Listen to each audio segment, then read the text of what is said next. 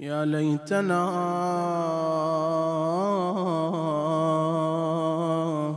كنا معكم. سادتي فنفوز فوزا عظيما. ذاك المنى لو أن ذلك يحصل. يا غريب يا مظلوم كربلاء حكم المنية في البرية جاري.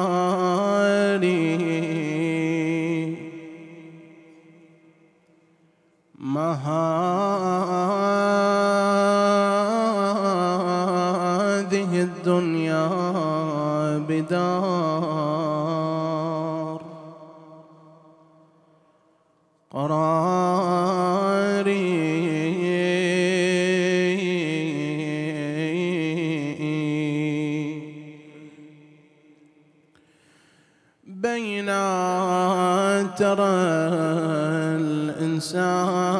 فيها مخبرا.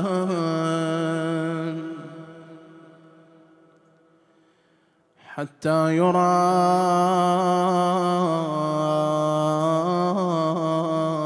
خبرا من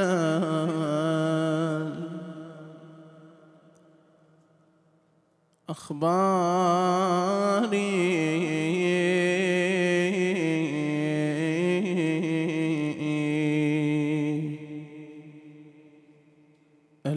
العيش نوم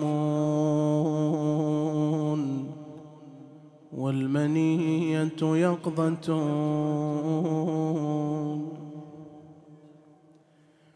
والمرء بينهما خيال. ساري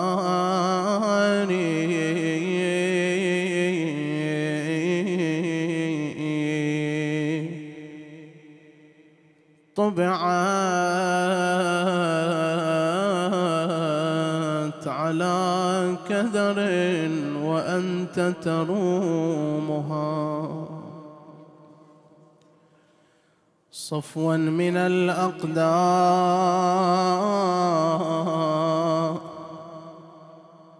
والأكدار.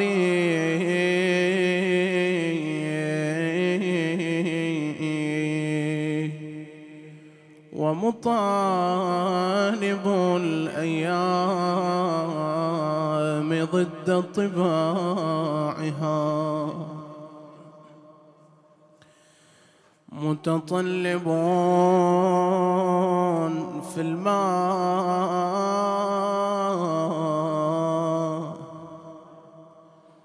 جدوى ناري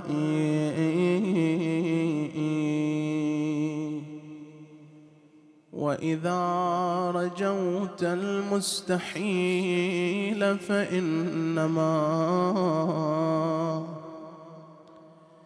تبني الرجاء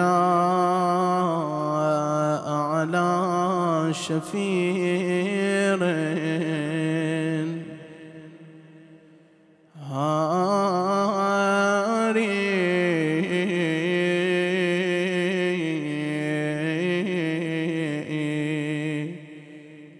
لا تأمن الأيام يوما بعدما غدرت بعترة أحمد مختاري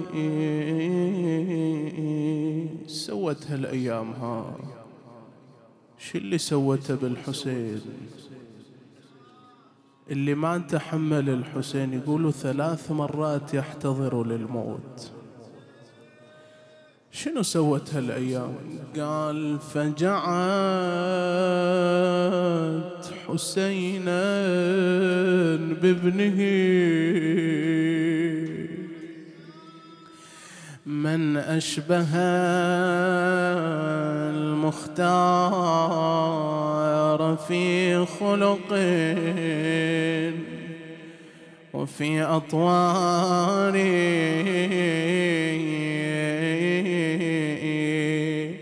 لما رآه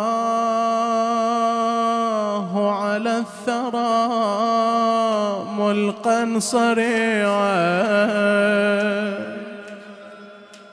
صرخ ونادى وعليا. بصرخه وعليا. لما رآه على الثرى ملقا صريعا. يذري عليه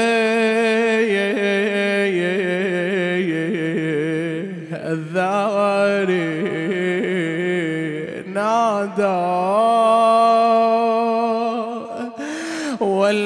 والأحشاء تلهى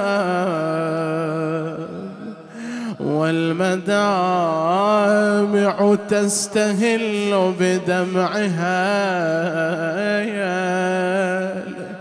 مدراري يا كوكبا يا كوكبا ما كان أقصر عمره. وكذا تكون كواكب الأسحار. بطل علي الأكبر ونينا وفتح العين. بطل علي الأكبر ونينا وفتح العين. وقلد وصلني بعجل للخيم يا حسين. يلا. للخيم وصلني وخلي النوح تالي بصدرك يا أبويا شيلني وجمعه وصالي. للخيم وصلني وخلي النوح اقرأ تالي بصدرك يا أبويا شيل وجمع وصالي. يم العليلة ودعا وينظر أحوالي. وحتى تجين الوالدة تشد الجرح زين. شتريد علي؟ قال يا ياب وصلني الخواتي وسط البيوت.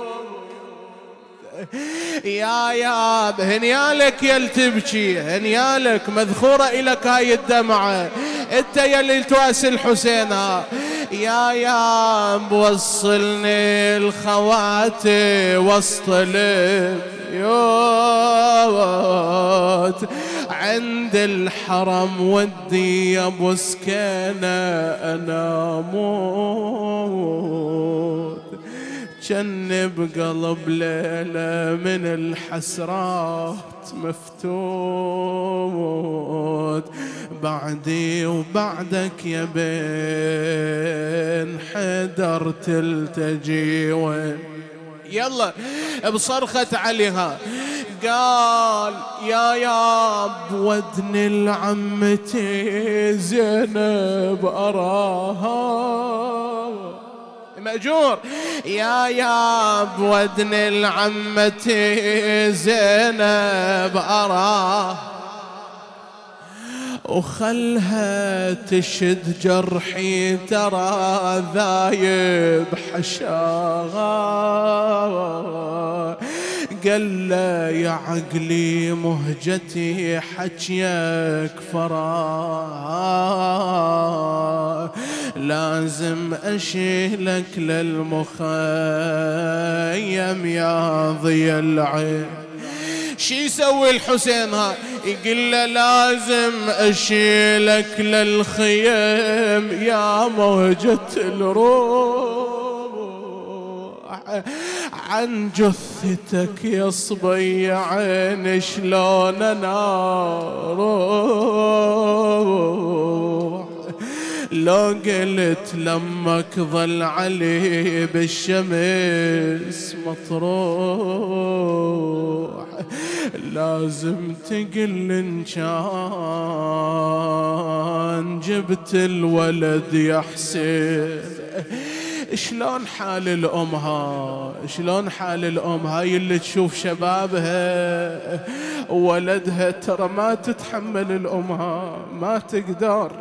ما تقدر تشوف الشباب بهالحالة. شلون الحالة؟ موزع مقطع. شلون قلبها لكن بليلة الفكر يا حلو الاطباق اصرخ لكن بليلة الفكر يا حلو الاطباع لو عاين جسمك يا عقلي موزع وزايع وزينب ما تقدر تنظرك يا ابني بالانزاع. لكن يعين الله على ضجتها النساوي سوى الحسين ها. بدأ يحمل ولده. كلما رفع جانب تساقط الجانب الآخر. يهنيالك وأسي الحسين بهاي الدمعة. وأسي ترى مصابة مصاب عظيم. والله شال أنا شال. مدلل فوق صدره وللخيمة. والله شال شال شال. مدلل فوق صدره وللخيم عاد دمعه يهل ويصيح فتني فقد الاولاد قوم يا ليلة قوم يا ليلة للولد عدلي له وساد. سوت قال فرت بدهشة تلطم الهامة باليدين أين المنادي وعليا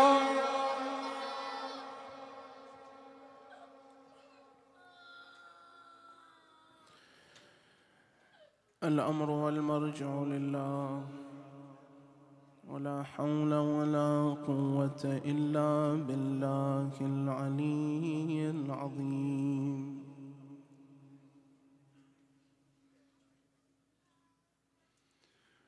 ورد عن الإمام الصادق عليه السلام أنه قال بيت الغناء لا تؤمن فيه الفجيعة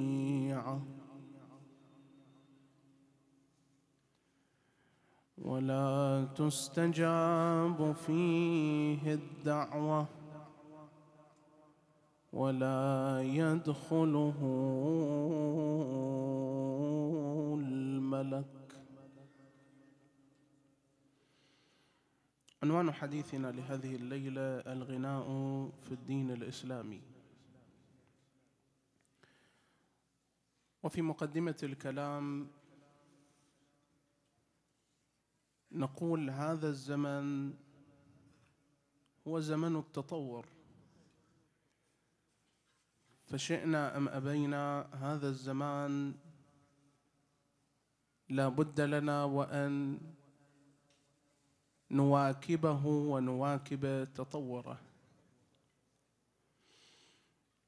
لهذا اليوم بدأت معالم التطور التكنولوجيا تسيطر على حياتنا بشكل أو بآخر. وهذا في حد ذاته سلاح ذو حدين.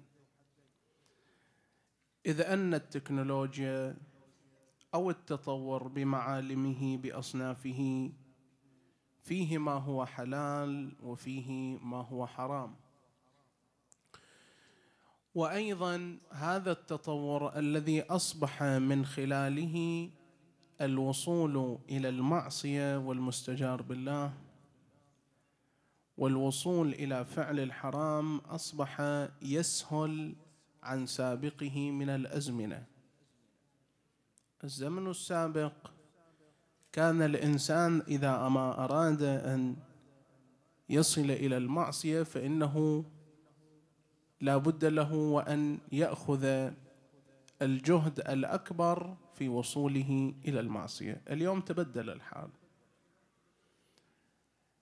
الاستماع إلى الغناء مثلا اليوم صار أمر سهل بل أمر بسيط. حتى بات الإنسان لا يفكر في هذا الفعل الذي يفعله. مباشرة وصل رسالة من أحد من أصحابه. زين مقطع غنائي. قالوا إلى اسمع هذا المقطع. فتح المقطع فصار يسمعه. زين. أريد أن أتكلم حول محور أساسي في هذا البحث. وهو حدود الغناء في الدين الإسلامي. نعلم أن الموسيقى هي التي فيها تفصيل عند من؟ عند الفقهاء. لكن الغناء ليس فيه تفصيل لأن الغناء ورد حرمته في النص. فليس عندنا اجتهاد مقابل النص ما عندنا إحنا في مذهبنا. الكلام في الموسيقى هذا عنوان آخر لأن الموسيقى المستثنى منها الموسيقى الكلاسيكية مثلا أو الموسيقى التي يقول بها غالبية الفقهاء بهذا التعبير الموسيقى المحللة. ما هي الموسيقى المحللة؟ قالوا هي الموسيقى مثلا الجنائزية أو الموسيقى التي تخرج من بعض الأصوات مثلا آه، فواصل بين الأخبار مثلا أنت شاهد قناة الأخبار وبينها بين الخبر والآخر فواصل. قولوا هذه من الموسيقى المحللة وغيرها في التفصيل الذي يأتي به الفقهاء. فكل ما لا يلائم مجالس له من الموسيقى فإنه يعد من الموسيقى المحللة. الكلام مو عن الموسيقى. اليوم نتكلم عن الغناء. صار عندنا بعض الناس أدمنوا أمر الغناء لدرجة أنهم يستمعون طيلة أوقاتهم إلى الغناء. بالسيارة وانت خب أنا من أحكي يعني مو أتكلم مثلا في مجتمع غريب. يلا رحم الله من ذكر القائمة من آل محمد. رجال ونساء صلوا على محمد وآل محمد.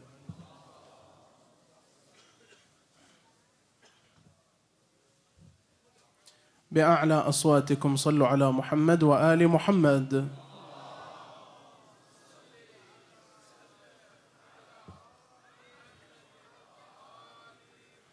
نعم. فهنالك اليوم من الناس من بات يستمع إلى الغناء طيلة يومه. وبالفعل يعني إذا أتكلم عن هذا الأمر لا أتكلم وأنا بعيد عن المجتمع. أنا في يعني وسط المجتمع وأنظر. يعني مثلا أنت تمر بالسيارة على شخص من الأشخاص تجد صوت الغناء ارتفع من عنده. زين. المعنى اللي أيضا ناس مثلا بالشارع يمشي بسوي رياضة بالصالة الرياضية أينما كان بدأ يستمع إلى الغناء بل صار عنده آه، مثلا أناس يميل إليهم. والله هذا صوته حلو هذا خل أسمع إليه هذا أحطه من ضمن القائمة قائمة مثلا عشرة مغنيين أكثر وإلى غيره. النص الروائي يأتي ليوضح الأثر المترتب من الغناء.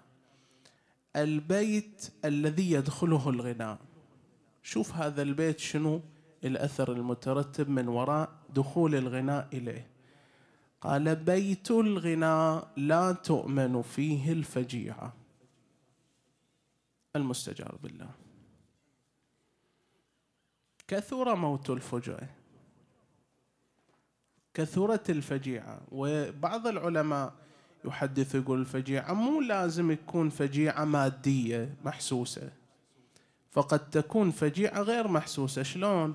كابتعاد هذا البيت عن الدين. يعني هذا البيت يبتعد كل الابتعاد عن الدين. شوف من الأب إلى الأخوان إلى ال إلى ال الأبناء إلى الزين كل كل البيت بأكمله عندهم ابتعاد عن الدين. شنو السبب؟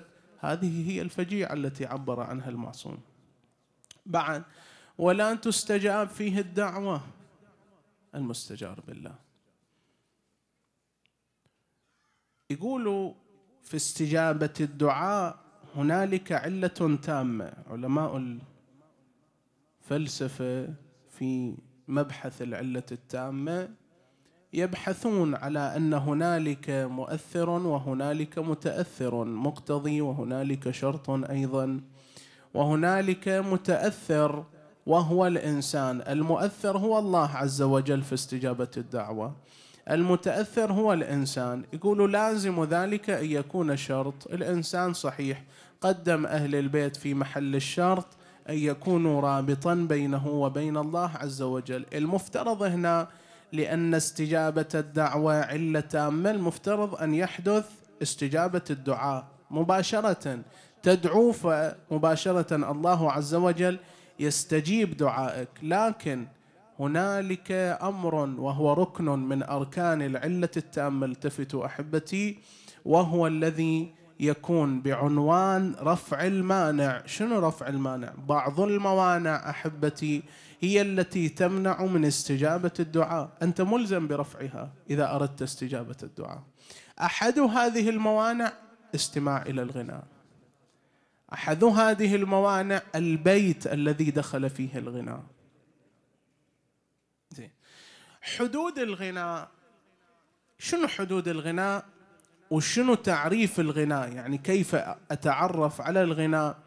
يعني هل الغناء مثلا يقتصر على المغني؟ هذا هو اللي من حطب جهنم. لو لا الغناء أكثر من ذلك. لهذا أكو أكثر آه، من جانب أريد أن أبينه ولو على شكل سريع. حدود الغناء.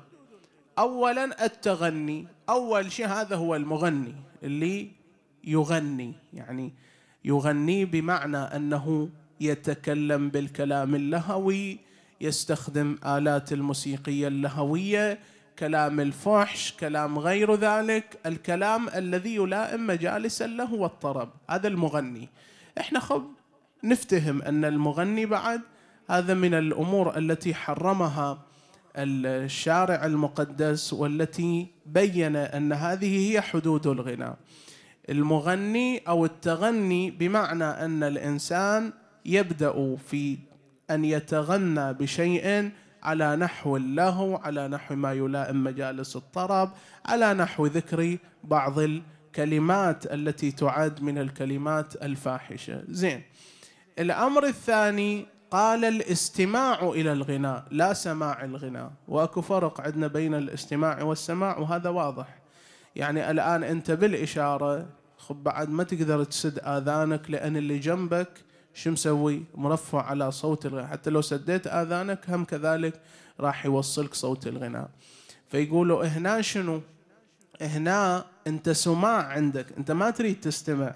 لكن الاستماع هو القصد للاستماع. يعني القصد لأن أسمع لماذا يقال أتنبه لماذا يقال لماذا يقول هذا المغني. يقول دخل أحد على الإمام الصادق عليه السلام. وأي لطيفة هذه. الرواية. يقول دخلت على الإمام فقلت له ربما أتيت الكنيف. الكنيف شنو هو؟ بيت الخلاء. بيت الخلاء يسموه الكنيف. زين. وربما أتيت إلى الكنيف وكان جاء وكان عندي جار قد أتى بمغنية فصارت تغني. فأطلت الجلوس. يقول أنا جاي وهذا بعد سمع صوت حليه وصوت. قال يلا خل أقعد أطول. زين فأطلت الجلوس. فما علي هنا اسمع إلى جواب الإمام عليه أفضل الصلاة والسلام. قال لا تفعل. أول كلمة قال له قال له لا تفعل. هذا رد على الإمام. إيش قال له؟ قال له إنني لم أذهب برجلي برجلي عفوا. إنني لم أذهب برجلي. يعني أنا مو مثلا رايح إلى البيت. أنا غير في بيتي. أنا في بيتي. مثل اليوم أنا في سيارتي. وغير هذا هو اللي جنبي. أنا ما رحت قعدت وياه في السيارة. أنا ما رحت. هذا المقطع في الجوال اللي جنبي يستمع إليه. في جوال صاحبي. مو أنا اللي اللي اللي مشغلنا لكن أنا أسترق السمع وقاعد ألتفت وياه وأتنبه وياه. حتى لو قال لي شنو قال هذا المغني راح أقول له نفس اللي قاله تماما. زين. قال إنني لم أذهب برجلي. يجي الإمام يرد عليه. قال له ويحك. وقال له لا تفعل. خلاص بعد التزم بالأمر. قال ويحك. سمعك مسؤول. سمعك مسؤول. الله عز وجل يقول لك هذه جارحة من جوارحك. في ماذا استخدمتها؟ حضرت ماتم حسين تسمع وتستمع لو رحت تستمع بها الغناء. زين سمعك مسؤول. ثم قال قم واغتسل وتب إلى ربك فإنك فعلت فعلا عظيمة. هذا مو هو اللي يغني ولا هو اللي مشغل المقطع ولا هو اللي رايح إلى مجلس الغناء لا هذا شو مسوي؟ هذا يسترق السمع يستمع. يقول للإمام قوم اغتسل غسل التوبة. زين بعد. وعندنا أيضا الحضور في مجلس الغناء. حضور مجلس الغناء أو مثلا على مستوى اليوم أنا أشغل المقطع. هذا من الحدود التي حرمها الشارع المقدس في أمر الغناء. حضور إلى مجلس الغناء لا يجوز أحبتي. حرام. لا يجوز. على المتدين أن يلتزم بهذا. زين. بعد الأمر الرابع وهو أخطر من كل ما سبق وهو الترويج للغناء. مو بس يكتفي على نفسه لا يقوم ينشر المقطع. هذا المقطع يقوم ينشره في حساباته كلها.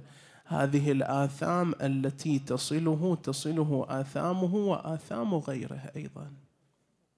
مستجار بالله أكو رواية لطيفة نختم بها. رواية عن الإمام الصادق عليه أفضل الصلاة والسلام. قال قال رسول الله صلى الله عليه وآله الغناء ينبت في القلب ينبت في القلب النفاق كما ينبت الماء الزرع. وهذه المشكلة النفاق. شلون النفاق يأتي الإنسان بعمل صالح. لا أقول لا يأتي يأتي. يصلي يصوم يحضر ماتم. لكن في الجهة الأخرى أيضا عنده نفاق. عنده بعد عن الله عز وجل يفعل عديد من المعاصي. سبب هذا ما هو؟ النفاق. النفاق الذي أدى لوصوله لهذا المستوى النفاق. لهذا الإنسان عليه أن يثبت في كلمته. إذا قال كلمة فليثبت عليها. لا يبدل من كلمته. ما يغيرها. هي كلمته. خلاص أنا قلت ما راح أستمع. وهاي تجربة عندنا أيام الحسين عليه السلام. كثير من المؤمنين كثير من الناس يلتزمون أتم الالتزام في هذه الأيام. أنت تقدر لكن عليك أن تستمر. عليك أن لا ترجع إلى ما ينبت النفاق في القلب وهو الغناء وغيره. وتثبت في كلمتك أبأ ولسنا على الحق. قال بلى والذي إليه مرجع العباد. قال إذا لا نبالي. إن وقع الموت علينا أم وقعنا عليه. ما دمنا محقين. هذه كلمات قالها علي الأكبر. لكن أسألك أيها الحسيني أيها الغيور أيها الموالي وأنت عندك اطلاع على السيرة الحسينية هل ثبت علي الأكبر على موقفه أم لا؟ ثبت لو ما ثبت. خل أعلمك فذ شيء ينقلوا أهل السيرة. يقولوا أول رجل طلب الإذن من الحسين للقتال هو علي الأكبر. أول واحد. والحديث الذي جرى بين حبيب والحسين وقال حبيب لا يصاب أحد من أهل بيت الحسين بجراحه ونحن على قيد الحياة. كان لسبب أن عليا الأكبر هو الذي طلب الإذن. عوف هاي بعد. أول شهيد من البيت العلوي بعدما قتل الأنصار هو علي الأكبر. أول شهيد من ال... هو ثابت على كلمته. لم يغيرها. بقي عليها ثابتا مستقرا. هذا اللي نريده إحنا. لكن الحسين ما قدر يثبت بمكان. الحسين صار يدخل من خيمة إلى أخرى. الحسين ما قدر يتماسك. ما قدر. لما قال له قال له زين رفع يده الحسين. حتى ما قال إلى أذنت لك. شوف كل أصحابه وكل أهل بيته قال لهم أذنت لكم. وكل واحد راح بإذن من الحسين. إلا علي الأكبر ما قال ما قدر يقول له أذنت لك. سوى رفع يده إلى السماء قال اللهم اشهد عليهم فإنه برز إليهم أشبه الناس. برسولك خلقا وخلقا ومنطقا وكنا إذا اشتقنا إلى رؤية نبيك نظرنا إليه. ما قدر يقول له روح. ما قدر. لا يوم تخطى خطوات علي الأكبر رايح فهم أن الحسين قد أذن له. صار يسأل بني أتمشي برجلك إلى الموت؟ رايح برجولك إلى الموت. قال بلى. رجع الحسين ما استقر على مكان إلا بعد أن اعتلى على مرتفع صار يشهد المعركة. يعني شوفه من كل الجهات ووجهه يتهلهل فرحا وسرورا. كلما قتل علي الأكبر بطلا وفارسا من الأعداء وإذا بوجه الحسين تغيرت ألوانه. زينب كانت تنظر إلى ليلى وليلى تنظر إلى الحسين وإذا بليلى نادت أبا عبد الله هل أصيب ولدي بسوء؟ تغيرت ألوانك أبو علي؟ قال لها لا ولكن برز إليه من يخاف عليه من ادخلي إلى خدرك. وارفعي يديك واسأل الله أن يرجع لك ولدك سالما. فإني سمعت من جدي رسول الله صلى الله عليه وآله يقول إن دعاء الأمهات في حق أولادهن مستجابا دخلت إلى خدرها. وين أصحاب الحوائج؟ وين اللي عنده حاجة؟ بدعاء ليلى بدعاء ليلى ها. دخلت إلى خدرها نشرت شعرها رفعت يديها. قالت إلهي بحق عطش أبي عبد الله. إلهي بغربة أبي عبد الله. إلهي بوحدة أبي عبد الله. يا راد يوسف من مغيبة على يعقوب رد إلي ولدي سالما. ودخلت الخيمة الغريبة وتوسلت لله وحبيبه مأجور. والحسين وش ما مصيب صوت واحد. يا راد يوسف من مغيب. لا يعقوب ومسكن لحيبة. أريد ابن علي سالم. استجاب الله دعاءها. رجع علي الأكبر. أبا يا حسين صيد الملوك أرانب وثعالب. وإذا برزت فصيدي الأبطال. أبا يا حسين الجائزة. وما تريد يقول يا بويا شربة مية لكبدي مأجور؟ يا بويا شربة مية أتقوى ورد للميدان وحدي. يا بويا انفطر قلبي وحق جدي. الشمس والعطش والميدان والحر. والله يقلمني يا نجيب الماء يا ابني. يقلمني أنا أجيب الماء يا ابني. ما هو حجيك بغض حالي وشعبني.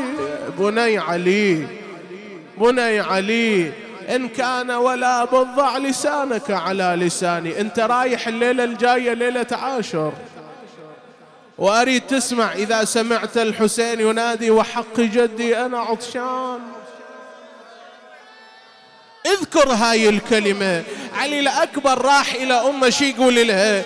يقول وضعت لساني على لسان أبي وإذا هو كالخشبة اليابسة. راد يرجع علي الأكبر قال له إن أمك تنتظر رجوعك. دخل إليها وإذا هي مغشيا عليها وضع رأسها في حجره تساقطت دموعه على وجنتيها. أفاقت من غشوتها نادت ألف مرحبا ويا حق ألف مرحبا ويا حي هالقبال. يا من جيتني فارس أخي بني علي طف حولي سبعة من الأشواط. هذا الوداع الأخير. فصار يطوف حولها وهي تلطف على رأسها. وتنادي وعليا. وإذا بواعية الحسين أمام الناصر. لبيك أمام معين. خرج علي الأكبر أراد أن ينقلب إلى الميدان. استوقفه الحسين بني علي. ضع صدرك على صدري. هذا الوداع اللي احتضر فيه الحسين. بني علي ضع صدرك على صدري وخدك على خدي وضع صدره على صدر أبيه وخده على خد أبيه فخر إلى الأرض مغشيا عليه. الله يا ساعة وداعة شيبت حتى الرضيع وفجعت كل الخلايق من رفيع ومن وضيع. يوم ابوه حسين شمه وعانق وخروا جميع والسما ساعة وداع مطرة بدم كالسحاب والشهيد حسين نادى اليوم بدر الدين غاب والنساء ضجت بضجة وداعت الله وداعت الله وداعت الله. انقلب إلى الميدان قاتلهم قتال الأبطال قلب الميمنة ميسرة والميسرة ميمنة والقلب على الجناحين ذكرهم بصولات أمير المؤمنين تموج الخيل من يجبل عليه بعد؟ تموج الخيل من يجبل عليه كان الخيل أبو الحسن ينبيها ذب هذا ورا هذا لديها مساميها ورمحه يلحق الفر. أجركم الله وقد أتم المئتين. فبينما هو يطرد كتيبة من أمامه. وإذا بمنقذ ابن مرة العبد يناديه علي آثام العرب. لاذكلن فيه أباه الحسين. حسين بينما هو يقاتل. شد عليه منقذ من مرة العبد. رافعا سيفه وشبابه وعلياه يا علي وضرب الشباب. على سالت الدماء على عينيه. احتضن مقدم الفرس. سالت الدماء على عيني الفرس. ظن أن الفرس سوف يأخذه إلى المخيمات فأخذه إلى موسط الأعداء هذا يصرفه بسيفه هذا يطعنه برمحه هذا يوزعه بخنجره حتى قطعوا شبيه رسول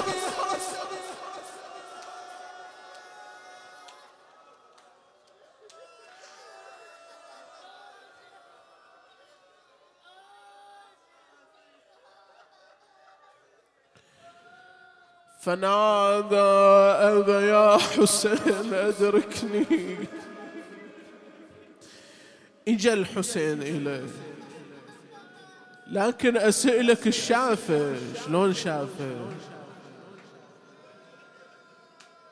شافه مقطع موزع.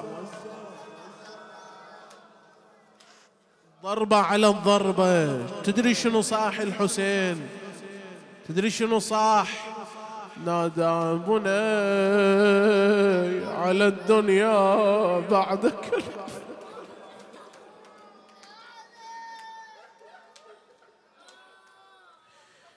يقول تمدد طول بجانب ولدي.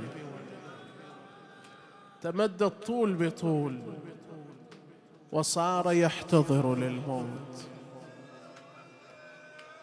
زينب شافت أبو علي بهالحالة خرجت. خرجت. نادت أخي حسين. قال لها أخي زينب ارجعي. فإن خدرك أعز علي من ولدي. هنا الكلمة أريدها من عندك أريد الصرخة من عندك. شلون يخبرها؟ شلون يخبرها؟ وهو مفجوع. شي يقلها يقلها علي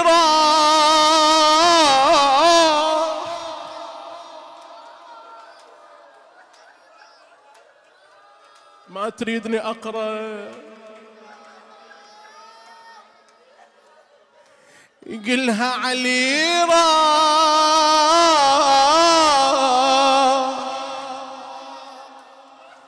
يا زينب قوم سنديني علي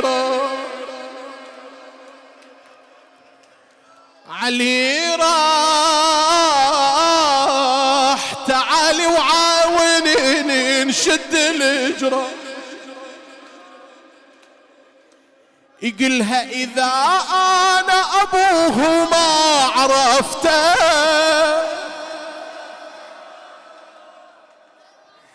إذا أنا أبوه ما عرفته.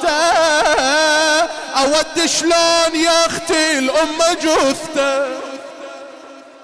أخاف على قلبها وقلب أخته. يا أختي قبالي يفصلوا رقبته والله علي راح علي راح قعد عنده يوصف أجراحي. على راح قعد عنده صف جراح على راح وصاحب صوت يا زينب. علي راح يختض لمة الدنيا علي. شلون قعد عنده أبيات الدعاء؟ أسألك الدعاء. شلون قعد عنده تدري؟ وقعد عنده لكن صار يحكي وياه. أبو يحكي ويا ولده. كنت كنت عذرها. شلون يحكي وياه قعد عنده وشاف مغمض العين. بدم سابح مترب الخدين متواصل طبر والراس. الصين يا بجذب ولا يا على بنية وتحزر شي يقول له شي يقول له إيش رايد يسأله أبو علي ها؟ قل له يا أبويا. يا ابويا قول ياهو الشرق راسه. يا نور العين من خمد أنفاسك. يا بويا من سلب درعاك. وطاسك يا عقل شلون أشوف أنك معفر؟ التفت اليه أبو علي أبو علي سيدي ومولاي يا أبا عبد الله شلون شلون ترجع إلى المخيم؟ شلون ترجع إلى المخيم وتخبرهم صار يحكي ويا ولده شي يقول له ما أقدر أقول الغم علي مطروح بالرمضة العدوان جسمه مقطعينه ومرضض الأعضاء. يقول له يا ابني شقول لعمتك لو سايلة عليك وليلة الحزينة ترتجي ما أيست منك نادى يا أبويا من سمع يمك ونيناك ومن شبحت لعند الموت عينك إلى العشرين ما وصلن سنينك. أيوا شبابك